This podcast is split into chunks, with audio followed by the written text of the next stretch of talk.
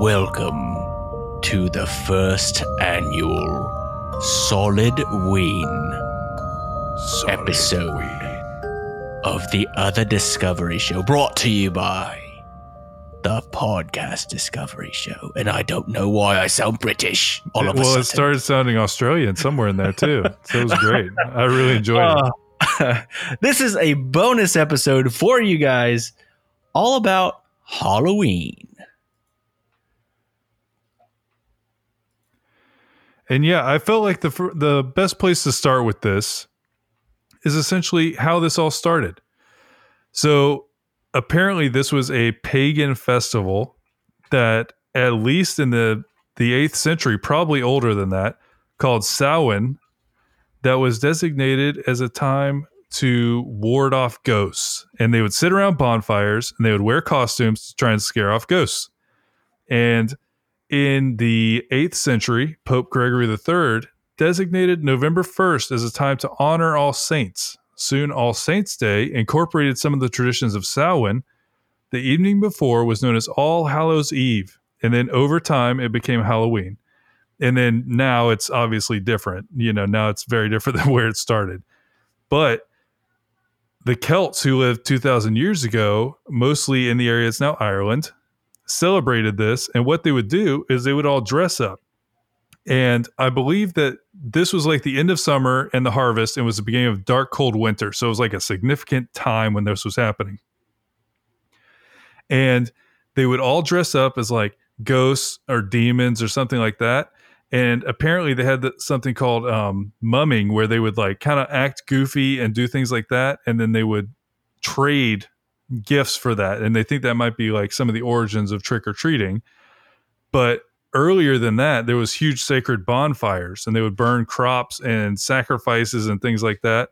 And they would wear costumes like a, it was a big pagan celebration that was essentially reappropriated when Christianity moved into the area.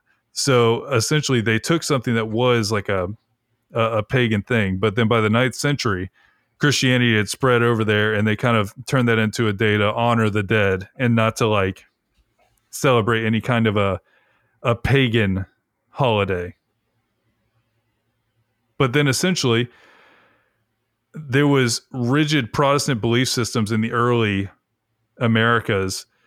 Um, but essentially, it was common in Maryland and the southern colonies because just this was a very old festival and things like that. So, from the very early parts of America, there was already some of these celebrations. and colonial Halloween, I'm sorry, I looked at the camera and saw your face. you looked at my, you saw my face. Yeah, I looked at my own face as well. And I was like, "Oh God, we look like idiots." if we if we sound a little bit funny on the podcast, uh, we have uh, masks on because We are wearing a masks. Special. This is a special uh, recording uh, live, and it'll be on YouTube about our Solidween spectacular. Yeah, it'll Uh, be around. But yeah, we talked about this earlier today. It's so weird how almost all of our celebrations that we have today are Protestant celebrations that were basically in what would you call it? Opposition to most of the time a pagan celebration. Yeah, no, it was just reappropriating pagan celebrations, you know, because there was like when Christian the rise of Christianity happened, they essentially didn't want to be like a pagan celebration, but they still wanted to like celebrate like a holiday. But yeah, no, it kind of took off in America the same way, where essentially when new immigrants came here, a lot of Irish immigrants came in the 19th century, and they helped get everything going over here, and Halloween became very popular. That is fascinating. Also, uh, I found out about where jack o' lanterns originated from. So it, there's actually a legend. Uh, I believe it's Irish. Yes, it is, uh, and it's the legend of Stingy Jack. So people have been making Stingy uh, with a G. Stingy. He's he's very stingy. Uh, people have been making jack o' lanterns for at Halloween for centuries. Uh, the practice actually originated from an Irish myth about a man named Stingy Jack. According to the story, Stingy Jack invited the devil to have a drink with him. That seems like a bad idea. It starts off bad right off the beginning. Uh, True to his name, Stingy Jack didn't want to pay for his drink, so he convinced the devil to turn himself into a coin that Jack had used to buy their drinks. Hey, devil, turn into a coin so I can buy my drink. Uh, nice. Uh, once the devil did so, Jack decided to keep the money and put it into his pocket next to a silver cross, which prevented the devil from changing back into his original form. Jack eventually freed the devil under the condition that he would not bother Jack for one year, and that should Jack die, he would not claim his soul. The next That's year, pretty good deal. the next year, Jack again tricked the devil into climbing into a tree to pick a piece of fruit. While he was, I love how the devil was so easy to. to I know. How do you like? How are these trick. people inviting the devil out for a drink? and isn't this like the trickiest being in in ever? Like Yeah, this is we- the devil. Have He- we not gotten to the tricky tricks, part? right? Is he? Is this like a long con? While he was up in the tree, Jack carved a sign of the cross into the tree's bark so that the devil could not come down until the devil promised Jack not to bother him for 10 more years. Soon after, Jack died. As the legend goes, God would not allow such an unsavory figure into heaven, but the devil, upset by the trick Jack had played on him and keeping his word not to claim his soul, would not allow him into hell. So he sent Jack off into the dark night with only a burning coal to light his way. Jack put the coal into a carved out turnip, which our friend from Planthropology did a discovery on this the other day that we uh, we talked about um, with the turnips being the original jack o' lanterns. Uh, and he has been roaming the earth ever since. The Irish began to refer to his this ghostly figure as Jack of the Lantern, and then simply Jack o' Lantern. In Ireland and Scotland, people began to make their own versions of Jack's lanterns by carving scary faces into turnips or potatoes and placing them into windows or near doors to frighten away Stingy Jack and other wandering evil spirits. I thought it was a fascinating story of where uh, jack o' lanterns came from. And it just sounds like it, it literally sounds like the devil went down to Georgia, Irish version with turnips and potatoes. Yeah, no, I've seen a turnip jack o' lantern, and it is horrifying looking. Like pumpkins are nothing compared to how disturbing turnips look. Yeah, no, they're terrifying. But- Spud a lantern, yeah. Yeah. So yeah, uh, trick or treating came from kind of some of these pagan rituals, but in the like the early 1900s, they were essentially working to take all of the the creepy like dressing up like a demon or religious anything out of it. So it was more just about like community and like having parties. And so the 1920s and 30s, it became very popular to have these like community centered holiday parties and like parades and things like that and essentially they also were doing the the trick or treating. It was starting to be a fun way for people to essentially all be able to participate in a giant party, but without having to spend a ton of money. I did see that Americans spend an estimated six billion dollars annually on Halloween, making it the country's Wow. second largest commercial holiday after Christmas. I did not know that. Which explains a little bonus discovery I had here. Have you ever seen a Spirit Halloween store? That po- Only during Halloween. yeah, time. that pops up in every abandoned building in the entire U.S. during this. I'm guessing that's why, because it's a six billion dollar like event that it's genius. literally goes for one night essentially. Because it's going to be a rager tomorrow night because that's on it's on a Saturday this year, so it's going to be. And I mean, there's also COVID. and there's so. a there's a full moon. There's like a they, they said it's a there's a blue there's moon. a blue moon. Yeah, Yeah, which means there's two full Crazy moons this year. month. So there's a special, the 13th blue moon of the year is going to be tomorrow too. But yeah, People basically crazy. It's gonna be Spirit. Halloween, which since let me figure out the date on this. I think it was 99. Spirit Halloween is owned by Spencer's. I did not know that. yeah, it's it's Spencer Gifts owns this. And it started out as he tried it in one place. Uh, the guy who built this, it started in New Jersey, and in 1983 there was one there was one place. And in 1999 there was 60 places, but then Spencer bought it, and now they have over a thousand locations across the country they do not use retail space. So essentially, they have a website that's up all year long, but then during this time of year, They usually take over for two to three months from early to mid August, and usually two, three days after Halloween, they, they shut it down. That's it. They just get in there It's, for it's two like months. fireworks stands. Yeah, two months rent, just selling Bigger. costumes, and then that's it. And the, it's just this weird thing that uh, always was funny to see because it's like every abandoned Kmart in your town is going to be filled with us. Hall- Literally, our Kmart would always be Spirit Halloween. yeah, That's ev- hilarious. every time. Yeah. Um, But the other thing that trick or treating made me think of is do you remember when we were kids, everybody always used to warn, like, oh, they're going to put yes. razor blades in the in the candies. Apparently, this is enough of a thing that there is an entire Wikipedia article dedicated to what they call poisoned candy myths. So the I'll just read you the the beginning of this. Urban legends about malevolent strangers hiding poisons or sharp objects such as razor blades, needles, or broken glass in candy and distributing the candy in, in order to harm random children. Um, they're a cautionary tale to children and parents and repeat two themes that are common in urban legends danger to children and contamination of food. no cases of strangers killing or permanently Ah. injuring children this way have been proven. So, zero, zero Zero cases. yeah, commonly the story appears in the media when a young child dies suddenly after Halloween.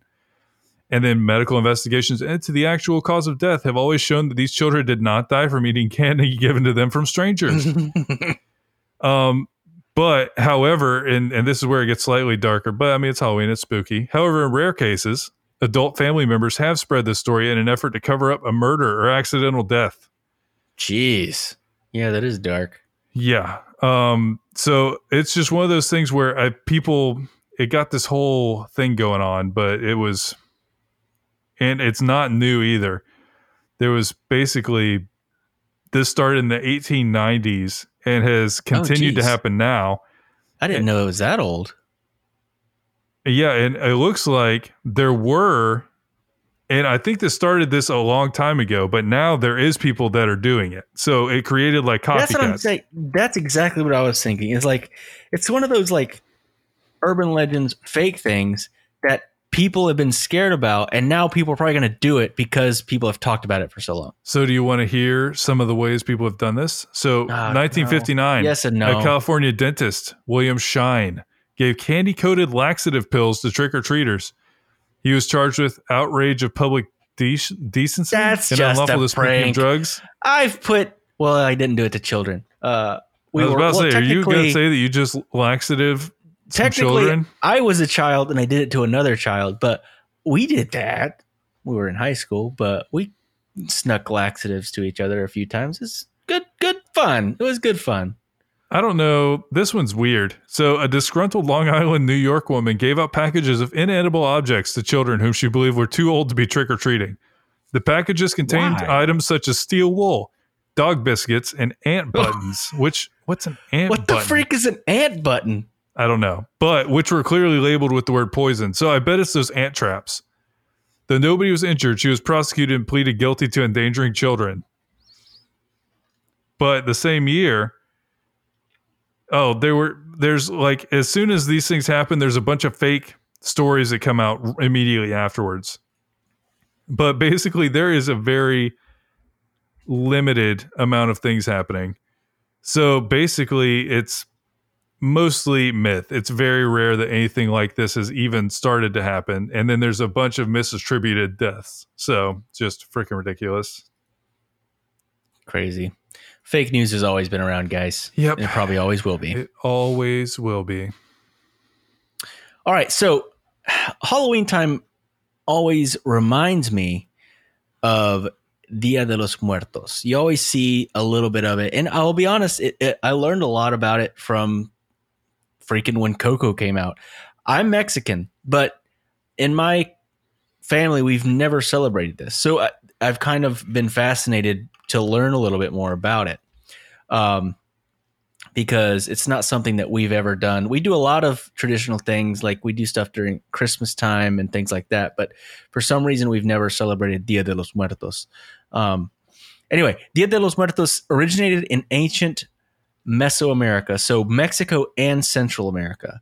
uh, where indigenous groups, Aztec, Mayan, and Toltec, had specific times when they commemorated their loved ones who had passed away.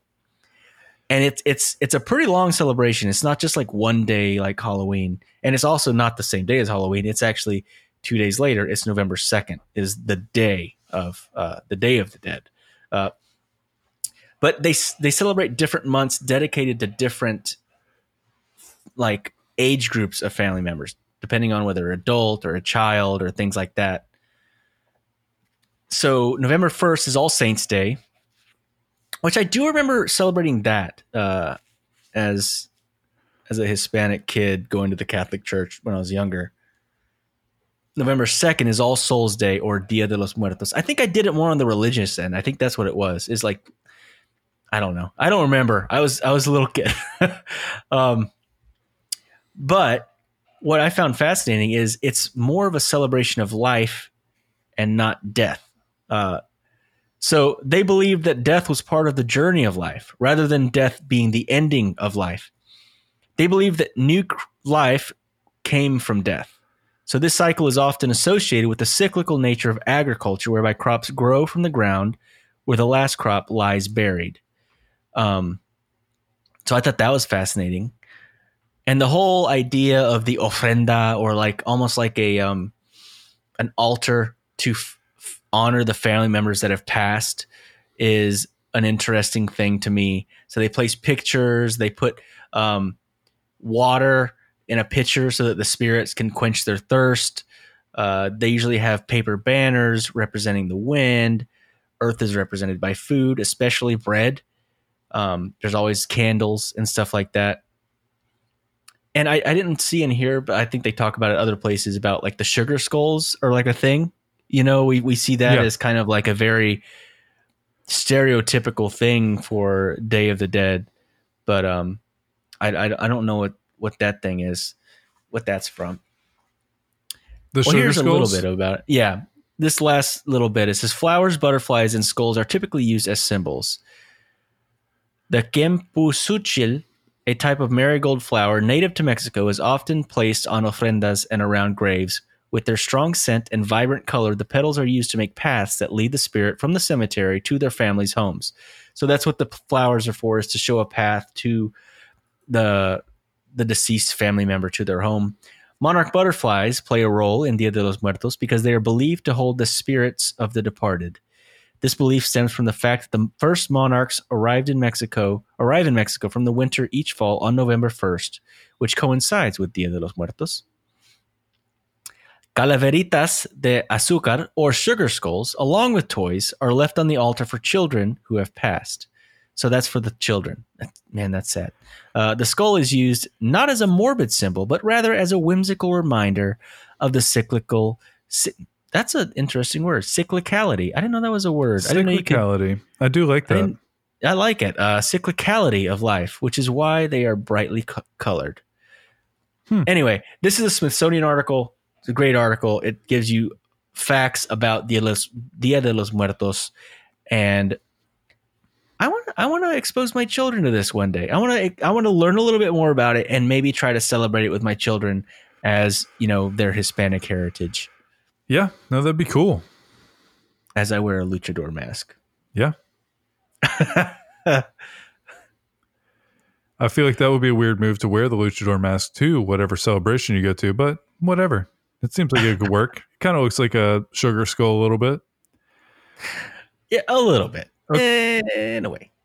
Okay, I need to know what year everybody was born because Cosmo told me what Halloween costume everyone was wearing the year you were born. So we can find out. So like stuff from the 50s, we have like Alice in Wonderland, Singing in the Rain, Peter Pan.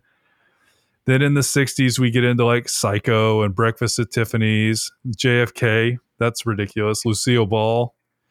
And then some Star Trek starts appearing as you move closer to the 70s. Elvis, Willy Wonka. And then you have the Brady Bunch, Jaws, Rocky, and then you start getting to Star Wars era. So 76. Yeah, yeah. Starts or 77, Princess Leia was, I'm guessing, basically everybody. Saturday Night Fever. And then we get closer to the 80s when Kirk and I were born. So we have Ghostbusters in 84, 87. So the year I was born, it was Robocop. RoboCop, huh? Yep. And Kirk, you were 88, right? I was. I was. Yours is way more badass than Robocop. It's Garfield. it's so much. I hate Mondays. I hate Mondays. And I do love lasagna. Lasagna is great. No, but then you get into like the Ninja Turtles, Morticia Addams, Jurassic Park. One of these just says a lion from the Lion King. I so lion. I guess whatever. 97 the Spice Girls also just like makes sense. But then I wanted to look at like the 2000s. So 2002 Hermione Granger, 2003 Spider-Man, 2004 Jack Sparrow. Where were you? 90 Twigs? I think that was the Ninja Turtles. Dude, that was such a good movie. Yep. I watched that with my kids and it was still fun to watch. Ninja Turtles. It's cheesy. That's a fun movie to watch. Yeah, it's very good. It's very holds up. goofy, but it's great. 2005, the Grey's Anatomy cast. So people really just liked wearing normal clothes and a white doctor's coat. It's boring. 2006, Guy Fawkes from V for Vendetta. 2007, Oh, I remember those Han- Hannah Montana. 2008, High School Musical. And then Lady Gaga. Princess Tiana from Princess and the Frog, I guess. The Lady Gaga one, do you think that everyone just wore meat dresses? Yeah, you're that other one where it was like, what she wore one with like dead Kermits on it, right?